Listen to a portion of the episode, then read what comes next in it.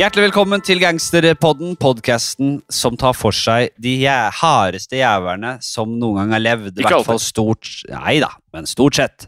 De, eh, altså Hvis du snakker gjennomsnittet av verdens befolkning, så er jo dette her topp 1% Ja, det er topp Som, 1% ja.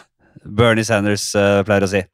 Top 1 Eh, av de hardeste. Det er det ingen tvil om. Eh, har du det greit, eh, Jim the Greek? Har du det Ja, greit? voldsomt. Voldsomt. Eh, vi er begge ferdig med vaksineringen.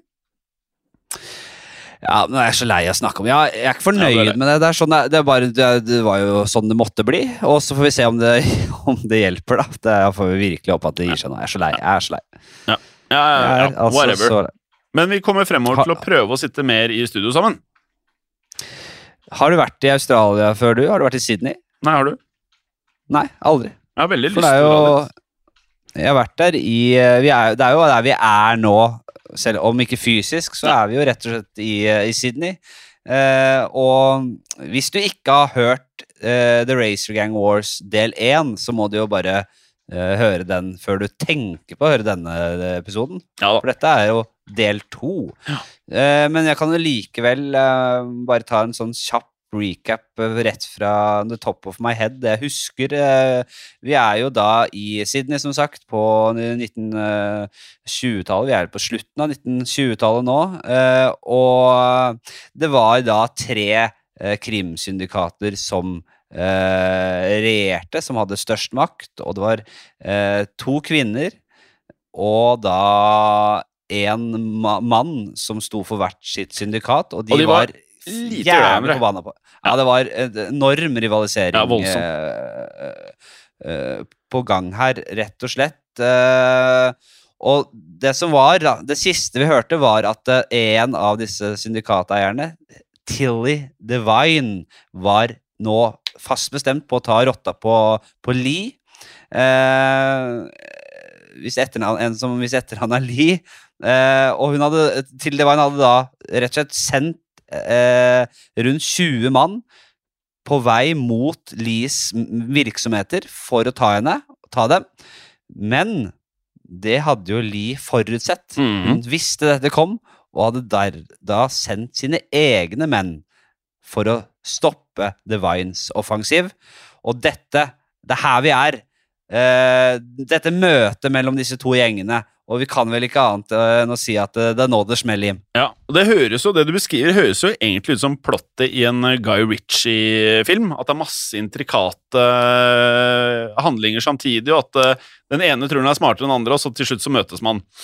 Eh, og det vi kan legge til, eh, basert på det du har sagt, så er det lite overraskende sikkert for folk flest at dette endte med et gedigent eh, slagsmål. Eh, og når man tenker slagsmål, så ofte så tenker man én person eh, som slåss med en annen person, eller to mot to, eller et eller annet sånt. I dette tilfellet så var det da snakk om hele 40 mann som dælja og dengte løs på hverandre med nevene, først og fremst, men også med barberblader og barberkniver. Og angivelig så var dette masseslagsmålet så brutalt at politiet de sto rett og slett på sidelinjen og ventet på at disse 40 gærningene skulle bli ferdig med det de holdt på med. Eh, så når støvet la seg, da, og først da, kom politiet inn i bildet og gjorde det de da eventuelt gjorde. Så dette var på en tid der styrkeforholdet mellom kriminelle og politi ikke var så stort at, uh, at de kunne bare kjø måke inn med helikoptre og snipere og alt mulig greier. Politiet de, de sto rett og slett og så på. De hadde ikke De, de tenkte dette her med vi det, det gidder vi bare ikke. Nei, det. Det, de får herje fra seg. De får drepe hverandre. Men det å gidder ikke samle være på det. 40 politimenn ett sted, det, det må jo ta litt tid. Det må jo være en relativt eh, vesentlig del av politistyrken. Så jeg skjønner var jo godt 40 at det blir vanskelig. var det 40 politifolk også? 40 Men eh, du skal ha hamle opp med 40 karer, da. Det må jo være en del. ja. Det må være såpass, det må være minus 40, ja, men kanskje de var litt få, da? At de kanskje, Men i USA, så bare- hvis, hvis du skal arrestere én, i hvert fall på film, så kommer det jo 40 SWAT-karer for å arrestere én person. Så hvis det er eh, den fordelingen, så blir det jo 400 politifolk. Men ja, Vi skal ikke surre så mye inn med dette, men eh, vi kan eh, også si det følgende at eh, Devine og Lee selv de var ikke involvert i dette slagsmålet. Eh, De eh, hadde jo sendt eh, gutta sine eh, i, i krigen for dem, eh, men det betydde ikke at de eh, alltid pleide å la eh, andre tar volden eh, for dem. En politikvinne har eh, fortalt om sitt første oppdrag eh, i jobben, eh, og dette var i Syden i 1930. Politikvinnen fikk i oppgave å gå eh, i en av gatene som denne Divine kontrollerte. Altså kontrollerte. old fashion patruljere gaten, typ. Ja, ja, Ja. samle informasjon, rett og slett. Men da hun kom til denne gaten, så ble hun stoppet, eh, og foran henne sto plutselig nettopp Tilly Divine i egen person og blokkerte veien for politikvinnen, Jim. Ja, og da kan man jo tenke seg at hun lirer noe fra seg òg, kanskje. For eh, Divine, hun sa You're the new copper, ain't you? Well, you're not coming down this bloody street. Og dermed så grep hun tak i politikvinnen og begynte rett og slett å riste i henne. Se for dere det, liksom Å gjøre det med politikonstabel, det, det er ikke optimalt. Eh, og i samme øyeblikk da, så eh, politikvinnen en annen dame med en eh, stor sort hatt, som da gikk av eh, trikken og kom gående mot henne og Divine. Ikke sant? Eh, og politikvinnen kjente jo igjen denne kvinnen med den sorte hatten. Det var erkefienden Ja. til Divine som sto og rista politikvinnen. det var dette- Kate Lee. Og nå begynner vi å bevege oss over til Tarantino-film. Ja, dette er, jeg elsker dette her, jeg. Uh, og Lee gikk raskt bort til Divine, og uten å si noe som helst, så dro Lee til Divine i trynet, og En liten eh, smackaroo i ansiktet. Og, for deretter å sette Altså, Lee satte seg deretter på Divine, men Divine var jo sterk som en okse. Ja, hun var jo som en bjønn, hun. Og, og, og klinte til Lee eh, tilbake der. Og politikvinnen kunne ikke gjøre noe annet enn å rygge unna, eh, for, for, nå hadde slåsskampen virkelig utvikla seg foran henne. Eh, Lee ba henne eh, gå videre, samle den informasjonen hun trengte om Divines virksomheter i gaten, mens hun banka Divine. du bare går og ta Divine for altså, Hun angrep Divine på alle fronter. Fikk politidama til å jobbe for seg også. Eh, Så politikvinnen gikk, eh, så gjorde som Lee sa, og gikk derfra. Og det siste hun så, var at det var Divine som satt oppå li og, og, og måka henne, hodet hennes mot bakken. da. Så Tenk deg det, For, Ja. altså, tenk at du er en politidame som driver og patruljerer her. Det, det, det, det her er jo ikke til å tro. nei, dette er, dette, dette er damene sine. Om andre ord, eh, Henrik, da, så var det jo da slik at eh, selv eh, når de da så den andre helt tilfeldig på gata, så gikk de rett og slett løs på hverandre. De hatet hverandre, sier vi. ja. Det, de, det verste de visste, var hverandre. Ja, Det var lite de likte mindre, kan man også si. Og etter dette masseslagsmålet da med disse 40 mennene på Kellett Street i august 1929, så tok det da tre måneder før det var et uh, nytt sammenstøt mellom Lees og Divine sine folk. Så den 9. november var Frank Green i Woolloomooloo igjen. Og vi husker jo da at han var en av Divine sine menn som da hadde blitt skutt av Lee sin mann, nemlig gunman Gaffney, og som da overlevde angrepet. Og denne dagen fulgte Green etter Lees, uh, livvakt og en av hennes andre menn ved navn Bernard Dalton. Og livvakten var en av de som da hadde forsøkt å ta seg inn i boligen til ekteparet Divine. Og da eh, livvakten og Dalton kom eh, ut av et hotell, så løp Green frem, dro frem en eh, gunner og ropte Cop this, you bastard! og deretter så skjøt han mot de to mennene. Og han skal visstnok ha siktet mot livvakten, men traff Dalton i stedet. Eh, Så Green såret Dalton så kraftig at eh, Dalton eh, rett og slett tok kvelden like etterpå. Ja, og etter dette her, Fladseth, så måtte jo Green rett og slett gjemme seg over en lengre periode. Så han gjemte seg i fem måneder, hovedsakelig for politiet, selvfølgelig. Men han ble omsider arrestert for dette drapet. Eh, Og Lees livvakt ble bedt om å identifisere gjerningsmannen som da hadde skutt Dalton. Eh, og da gikk han eh, midt imot den uskrevne avtalen som disse gjengene hadde seg imellom, for han pekte ut Green som gjerningsmannen. Ja, og dette ble jo selvsagt ansett som et uh, enormt forræderi i uh, gangsterverden. Det Green havnet eh, Ja, sånn er det. Green havnet i retten, men han ble da frikjent en stund senere. Og noen måneder etter rettssaken så brøt fire gangstere seg inn i Lees eh, hus. De var venner av Green og visste at livvakten hennes, at Green var der, og kom da for å straffe han. Men Lee våknet og grep etter den eh, rifla si.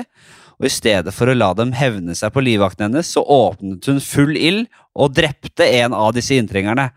Eh, så de rømte, rett og slett, og det, det ble et basketak som vi ikke kjenner så godt til. Men hun ble da senere frikjent i retten for å ha handlet i selvforsvar. Ja, og dette her kunne jo fortsatt i en sånn evig runde med hevn mellom Divine og Lee. Men nå skulle du få noe helt annet å stri med, for myndighetene hadde nå nemlig fått nok av at Sydneys innbyggere måtte gå rundt i frykt for både gjenger, slåsskamper og også måtte risikere å, å bli slicet opp med barberblader. Så myndighetene de ønsket nå å slå hardt ned på denne organiserte kriminaliteten i Sydney, og satte derfor inn en eh, ny lov, altså en artikkel i loven som skulle gi politiet langt friere tøyler til å arrestere eh, gjengmedlemmer og gangstere i tiden fremover. Og dette ble kalt uh, The Consorting Clause eh, og ble vedtatt i 1929. Og denne lovartikkelen ga myndighetene eh, lov til å straffe enhver som assosierte seg med kriminelle. Og Det betydde at man kunne bli, ja, rett og slett bli arrestert og straffet dersom man bare tilbrakte litt grann tid sammen med kriminelle. Det skulle være nulltoleranse. Enten er du med dem, eller enten så er du med oss, eller så er du mot oss. Ja. Veldig hard, hardt på det. Ja. Eh, så hvis man bare ble sett med eh, kriminelle, så kunne man bli eh, arrestert og straffet. Og I tillegg så kunne man også risikere å få seks måneders tvangsarbeid dersom man ble tatt med en barberkniv på gata.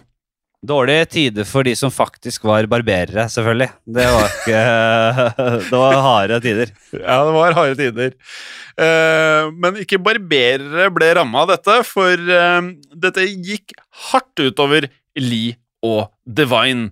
Og denne loven den eh, trådte da i kraft i januar 1930, allerede kort tid etterpå ble Divine arrestert. Hun ble nå sikta for å omgås med nettopp prostituerte, du kaller det noe annet, Fladseth, som i lovens øyne var eh, kriminelle, selvfølgelig.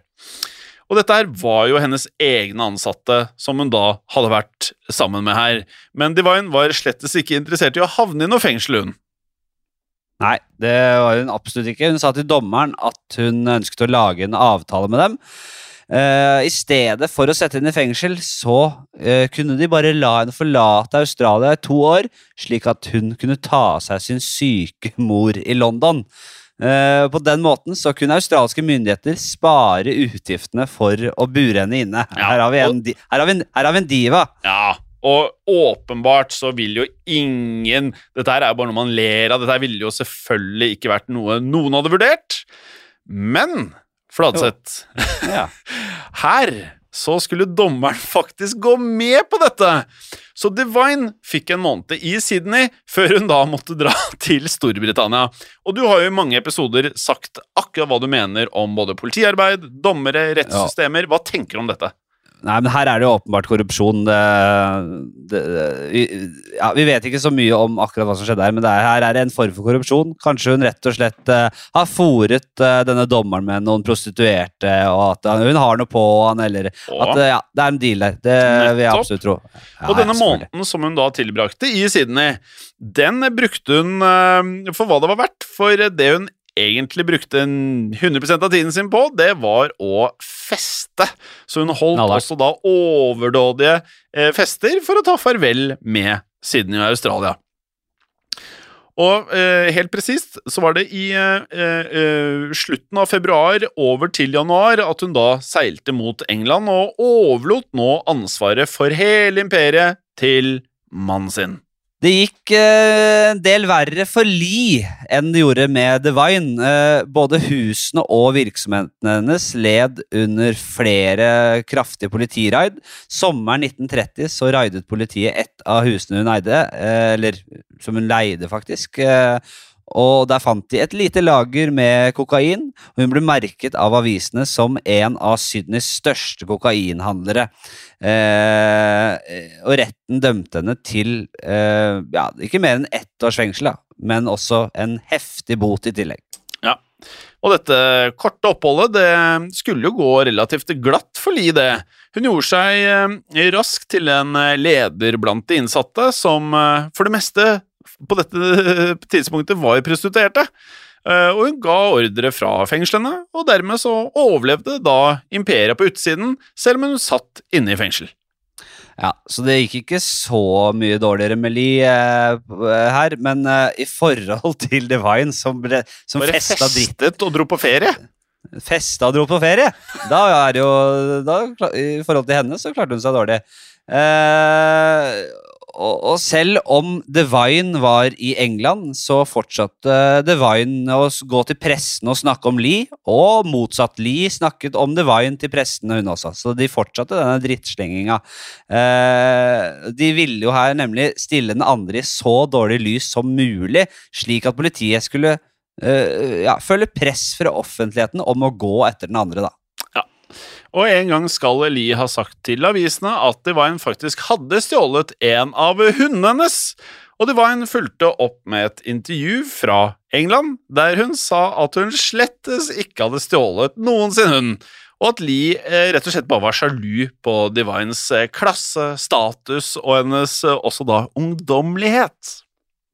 Ja, og Det er vanskelig å si om denne drittslengingen i avisene hadde noen effekt. eh, Men det, eh, det var ikke bare den nye lovartikkelen som skulle skade disse kvinnene. På 30-tallet så slo jo depresjonen inn for fullt, eh, og inntektene minket jo kraftig, som hos så mange andre på den tiden. Flere av damenes virksomheter måtte stenge. Eh, og Lee rakk ikke å være lenge ute av fengselet før hun ble arrestert på nytt. Eh, vi skriver januar 1933. Hun hadde da mottatt og skjult noe tjuvgods, rett og slett. I retten så fikk hun imidlertid velge da mellom å sone dommen i fengsel eller å holde seg minst 300 km unna Sydney i, eh, i fem år. Eh, og Li valgte jo det siste, da, selvfølgelig. Og med Li ute av veien, og ved hjelp også av The Consorting Clause, klarte politiet å eliminere det meste av kokainsmuglingen i Sydney, tilsynelatende, da, vel å merke, på midten av 1930-tallet. Og de hadde også fått eh, bukt med en god del av disse gjengene og bruken av barberblader og barberkniver. Så The Racer Gang Wars var i prinsippet nå over. Eh, og man kan jo tenke at det hadde krevd eh, eh, en god del menneskeliv. Igjen må vi skuffe. Igjen må vi skuffe. For det var eh, kan ikke, Vi kan jo liksom ikke være skuffet heller, men man tenker jo at det er mye mer, da. Men det var da seks personer som eh, ble eh, drept i denne perioden. Men det var ekstremt mange andre som hadde blitt skadet, og mange hadde jo da Og gikk jo rundt da med arr i ansiktet fra disse barberbladene, selvfølgelig.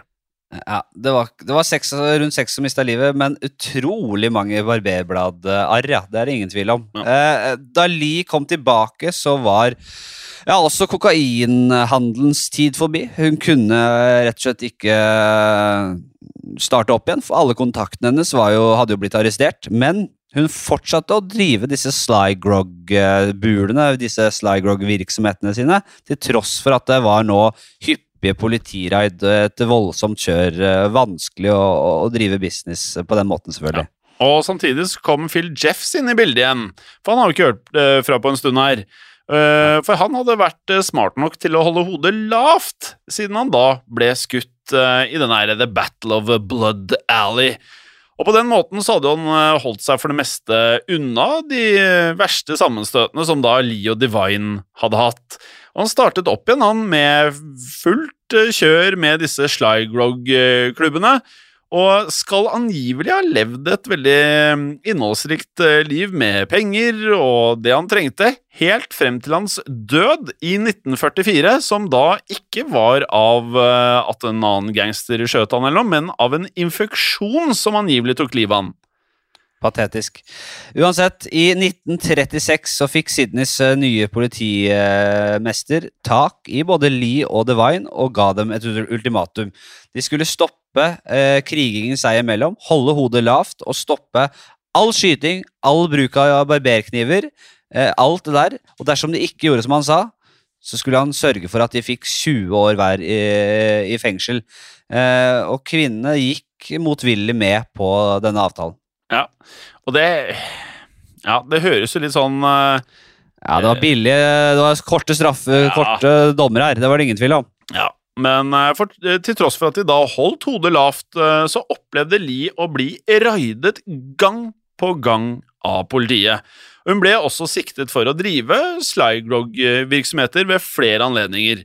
Og faktisk så havnet hun også i retten opptil flere ganger. Og hun pleide å ta med seg grønnsakene til kveldens middag og gjøre dem klare på tiltalebenken. Som er en variant, selvfølgelig. Det er rått, da. Sitter og kutter løk og gulrøtter og på tiltalebenken. Det her kan være første og siste gang vi har det, akkurat det i Gangsterbånden. Ja, det er helt rått. Hun var jo en, eh, en husmor også, skal ikke glemme det. Ja, jeg skal ikke glemme det. Så, måtte, Grønnsakssuppa måtte lages. og etter hva vi forstår, så var det sånn at hun rett og slett, som du nevnte, altså hun hakket og renset grønnsakene under eh, rettsdiskusjonen her.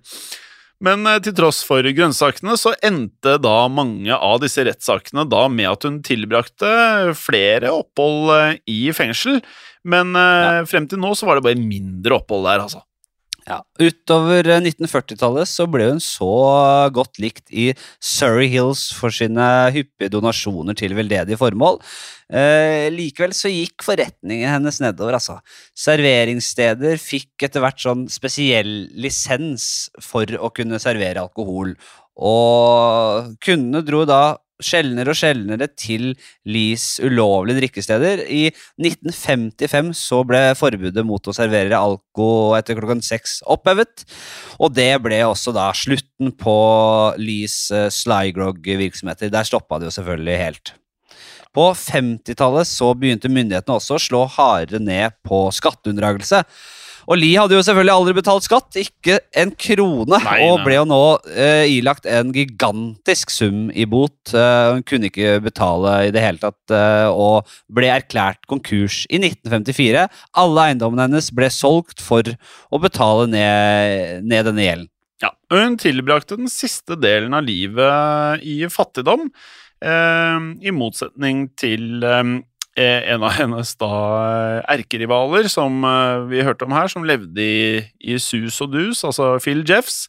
Um, og hun døde da heller ikke av uh, det er jo som ofte sånn, Fladseth, at eh, noen av disse her vi bygger opp i gangsterboden man tenker jo at de skal dø av noe helt sjukt uh, gjengeoppgjør, men hun døde av slag, Uh, og da har vi kommet til 1964. Eh, og man prater jo ofte om at det kommer en del folk i begravelsen til mange av gangsterne. Hun her, hun fikk mange i begravelsen sin. Hele 700 gjester kom for å hedre henne. Eh, deriblant så var det faktisk også politikere og politifolk, og det er litt snålt, eller? Ja. Uansett, hun ble ansett som eh, Hun hadde fått tittelen, da, The Worst Woman i Sydney. Eh, men skal angivelig da ha levd et liv hvor hun da donerte veldig mye, og var, i likhet med mange av disse narkobaronene som vi har pratet om tidligere, svært sjenerøs med eh, lokalmiljøet. Eh, og donerte da også mye også til veldedige formål. Og det gjorde at hun eh, ble respektert av utrolig mange, eh, og ble også ansett eh, i, i store miljøer, i store deler av eh, områdene, for å være elsket, rett og slett. Ja, Så nå har vi bare Tilly Devine igjen, eh, etter at hun kom tilbake fra England. Så gikk hun tilbake til å styre dette imperiet sitt. Eh, Det ble jo også hardt rammet av denne nye lovartikkelen, og eh, ble dårligere og dårligere Det ble dårligere og dårligere trøkk i virksomhetene utover 30-tallet, for å si det sånn.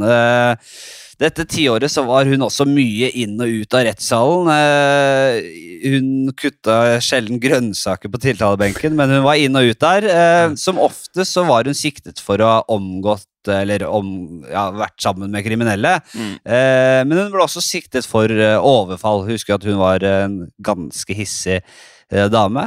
Hun ankom alltid retten i flotte, luksuriøse kjoler eh, med eh, diamantsmykker og pelser, og hun var en skikkelig diva. Aggressiv diva, rett og slett. Ja, det her kan jeg like, Flatseth. Det alt det her liker jeg med gangstere. Er ingenting jeg ikke har likt. Og da skjønner man at hun likte å ta seg godt ut, og um, hun ville jo fremstå som en overklassekvinne med penger og det hun trengte.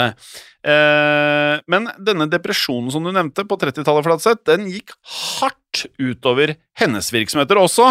Eh, men som man sier i Soprano, den eneste de eneste bedriftene som er konjunkturuavhengige, eh, er blant annet det å være mafia. Men man ser jo at de også merker trøkket.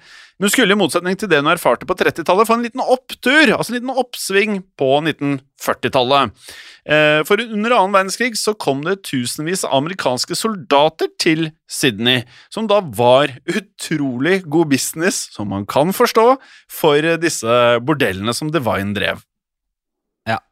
Hun eh, skilte seg fra ektemannen sin, Big Jim Divine, eh, i 1943, og i løpet av 27 års ekteskap så hadde hun måttet tåle at mannen banka henne jo, rett og slett. da. Eh, og han hadde også den ene elskerinnen etter den andre, og det var hun ferdig med. Uh, hun ville ikke ha noe mer av det. Like etterpå så traff hun en ny mann som hun forelsket seg i, Uh, men hun hadde jo fortsatt et voldsomt temperament og skjøt rett og slett denne nye kjæresten under en krangel i 1945. Da er du gæren. Eh, gæren. men han nekt... Ja, hun, hun var klin gal. og han som mannen, eller kjæresten som ble skutt, han nektet likevel å vitne mot henne i retten. Eh, kanskje av frykt, jeg vet ikke. Og, og saken da- ble da Ja. Ja, jeg liker at det ikke tyster. Jeg gjør det. Ja. Og saken det. ble da henlagt, siden han ikke ville tyste. Eh, og en skulle tro da at eh, det ble slutt på kjærligheten mellom jeg disse to det. etter dette. Nei da, det. det. ble det ikke. De giftet seg, de, noen måneder senere. Men, eh, altså, Kanskje var derfor han ikke, det var kanskje derfor han ikke ville vitne, da, fordi at han tenkte at det var fortjent. Men Fladseth, nå hørte jeg mobilen din i bakgrunnen. Du, må, nå har du, du har lagd podkast ah, ja. i fem år. Seks år. Ja. Det første du gjør, er jo å skru av mobilen. Nå, skal du høre med til historien at jeg var enda mer urutinert. Jeg lagde podkast i ti år og glemte å skru på opptak. Ja, i stad, ja. ja. Du skal ikke si et ord til meg nå. Nei, jeg skal ikke det. Fy da. Eh, men vi kan jo da legge til at eh, denne Altså, når de, Man skal jo tenke at de skulle gifte seg, det er jo ganske sykt. Men en annen ting som var ganske sykt, var at eh, når det var bryllupsfest, så um, gikk det, det gikk ikke helt smertefritt, for det endte med et massivt slagsmål blant eh, gjestene, og endte i at tre av gjestene faktisk da ble arrestert. Um, så det er jo også en liten sånn uh, så symptomatisk greie for, for Divine. Um, alt i alt så gikk 40-tallet veldig bra for Divine, og langt bedre enn for Lee, som vi da har nevnt. Men på 50-tallet ble også Divine et uh, offer, må vi kunne si, for myndighetenes uh, kamp mot skatteunndragelse. Så vi kan jo da se for oss at Divine kanskje ikke var den som var mest glad i å betale skatt, for det var hun ikke. Hun hadde ikke betalt så mye skatt, hun heller, nei. Nei. De betalte ikke så mye skatt, de, Nei, de, gjorde ikke det. de likte ikke det. Det var jo samme som Al Capone, det. Og hun ble da dømt til å betale store summer til eh, staten. Og med det så ble hun nødt til å selge de fleste eiendommene som var i besittelsen hennes. Ja, så De to damene våre her de led samme skjebne, rett og slett, på der. Eh, Divine hun beholdt ett bordell, men utover 60-tallet så kom det nye kriminelle i Sydney. Det skulle byttes ut eh, litt i rekkene, eh, og de nye kriminelle de ville jo ha monopol på prostitusjon i byen. Divine ble så presset ut, og hennes siste bordell stengte eh, dørene i 1968. Samme år ble også loven mot bordellvirksomhet utvidet til å også omfatte kvinner, så hun hadde ikke lenger mulighet til å benytte seg av dette smutthullet heller. Så det var rett og slett eh, kroken på døra. Helt kjørt for eh, Divine her. Men for et smutthull det hadde vært. Eh, Ja, du, hun hadde virkelig levd godt på det. ja, det var jo et smutthull som ga mye. Eh, og som du nevnte, det var nye gjenger som nå tok over, og stort sett alle av Divines tidligere samarbeidspartnere var mer eller mindre borte. Hun var nå alene, og med det så raknet eh, imperiet hennes. Det var, det var eh, lagt i grusen. Eh, det vi har forstått, er at Divine også dro i Lees begravelse. Eh, og selv om de ikke akkurat ble venner på 40- og 50-tallet, så var de langt mer vennlige mot hverandre enn det de hadde vært tidligere, vel å merke. Og noe etter Lees død så skal Divine ha sagt eh, eh, noe om Lee, noe sånn som følger God rest the old bitch's soul. Så det er altså Det, det, er, det er harde folk, Fladseth. Det er ikke van, Det er ikke sånn som deg og meg. Vi, Jo da, vi, tå- vi tåler ganske... jo ikke noe. Vi tåler jo ingenting! Men de var ganske like, de to der. Så det måtte vært en sånn slags God rest the respekt for bitch's soul, altså. Det må ha vært en slags respekt også, ikke sant? Ja, ja. Oppi alt dette her. Det Ja. skjønner vi jo. Eh, eh, Lee minnet jo også kanskje Divine om gamle dager, da. Kanskje hun til og med savnet henne litt. Savnet dette, denne rivaliseringen. Eh, uansett, helt siden midten av 50-tallet så levde Divine i fattigdom, eh, og hun døde av kreft. Eh, Så vi har infeksjon, vi har slag, vi har kreft her. Divine døde da av kreft i november 1970. Og i motsetning til Lee så kom det nesten ingen i Divines begravelse. Mm. Det er riktig, det. Eh, vi kan jo legge til her, eh, folkens, at eh, om det er noen av dere som er interessert i enda mer rundt nettopp denne tematikken her, så finnes det en god del bøker om dette her.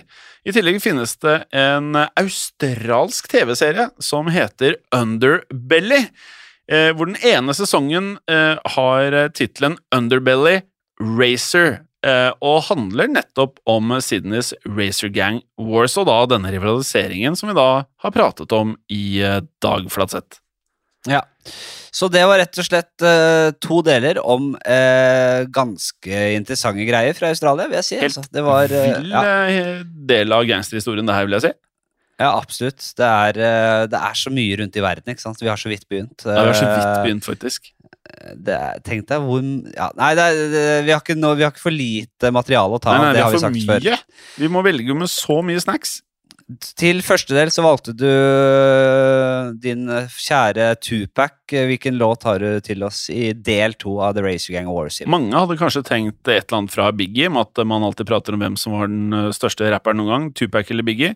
Eh, nå har jeg valgt å heller gå til en sang jeg hører veldig mye på om dagen, som er en sang av YNW Melly featuring Lill Uzi Vert. Og etter hva jeg har forstått, hvis jeg tar feil nå, DM meg på, eh, på Instagram.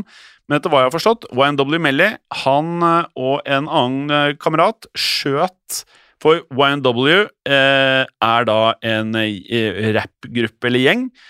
To av de gutta skjøt han siste, la han i bagasjerommet og kjørte rundt over en periode med han tredje kompisen i bagasjerommet. Eh, YNW Menley blir da tatt, sitter i rettssalen og sitter og smiler under rettssalen eh, mens dette her eh, Mens det pågår en sak. Og dette her er jo ikke bra, men han lager eh, har flere ganske catchy låter, og en av de er Mind of Melvin. Og med det, folkens, så kan dere følge oss på eh, Spotify, der vi har en spilleliste som da heter Gangsterpodden. Der trekker jeg inn alle sangene så fort vi har de i episoden, så jeg ikke skal glemme det, for jeg har gjort tidligere. Eh, vi har, eh, vi har også muligheten til å følge oss på Spotify med podkasten som heter Gangsterpodden. Bare trykk follow, så kommer episoden automatisk inn i eh, appen din. Og så kan dere også nå rate oss på iTunes sin podkastspiller, hvor vi har 4,1 i snitt. Eh, vi kan få fem. Eh, veldig Ja fint om dere hjelper oss oppover der. Dette snakker vi om hver gang. Nå har dere vel begynt å Stem! skjønne tegninga. Trykk på stjernene! Fem stjerner! Veldig bra. Og så er det sånn at vi, eh, vi høres jo igjen neste uke, som hver bidige uke. Og Hvis du ikke Som jeg ender med å å si- sovne med fiskene, da. ja, det er akkurat det. Med mindre du har dritrett og sovner sovne med fiskene. Hold the gangster. Ha det bra. Snakkes. Ha det. Hei, hei.